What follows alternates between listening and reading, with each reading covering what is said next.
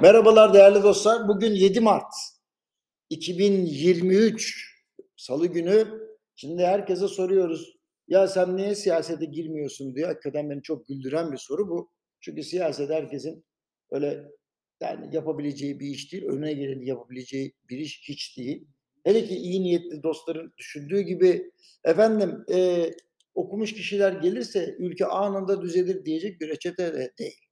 Yani her işte olduğu gibi siyaset de öğretimin yanında vicdan, işte egodan arınmışlık, vatan sevgisi, insan sevgisi, doğa sevgisi, akıl ve basiret gibi unsurları içermeli. Şimdi dünya tarihine bakın icat edilmiş tüm fenalıkların içinde iyi öğretim görmüş kişiler var. Yalan mı? Doğru.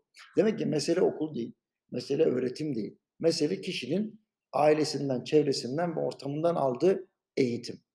İyi bir eğitimin yanında iyi bir öğretim geldiği zaman tabii arzu ettiğiniz siyasetçi kimliği ortaya çıkar. Önce anne ve baba doğru dürüst ahlaklı davranış gösterecek ki öğretim işe yarasın. Bu da yetmez. Siyaset için tecrübe lazım. Sahada çalışmak lazım. Gerektiğinde lider ya da lidere akıl verenler yanlış bir iş yapıyorsa uyaracak basiret ve cesarete sahip olmak lazım. Siyaseti meslek edinmemek lazım. Görev edinmek lazım. Şimdi bu şartların çabucak oluşmasını bekleyen varsa bilsin ki mümkün değil. Bu sebeple geçenlerde bir Spotify paylaştım. Siyaset üretmek isimli. Dönün bakın ne demek istediğimi.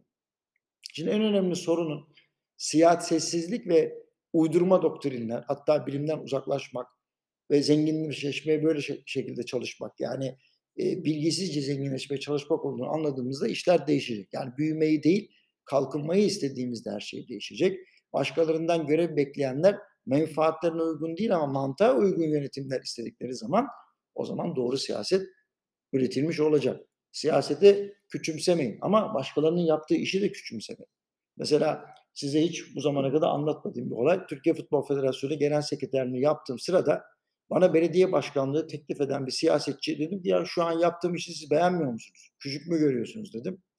Yani kişi kendinden bilir işi. E, ondan sonra siyasette yer almayı e, insanları hizmet etmekten daha yüce gören ve herkes e, ve ondan sonra herkesin sanki buna meraklı olduğunu zanneden insan türü var. Böyle yani nasıl bu yaptığı işler önemli değil siyasete geçsin diye. Fakat biz böyle değiliz tabii.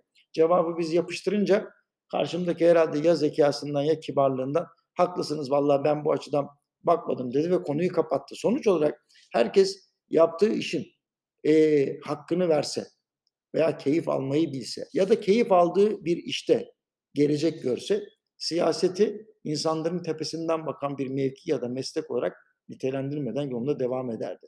Dolayısıyla sahada siyaset yapanların işini küçümsemeden ancak siyasetin halka hizmet için yapıldığını unutmadan meseleye bakmakta fayda var diyorum. Çok teşekkürler. Yarın görüşmek üzere.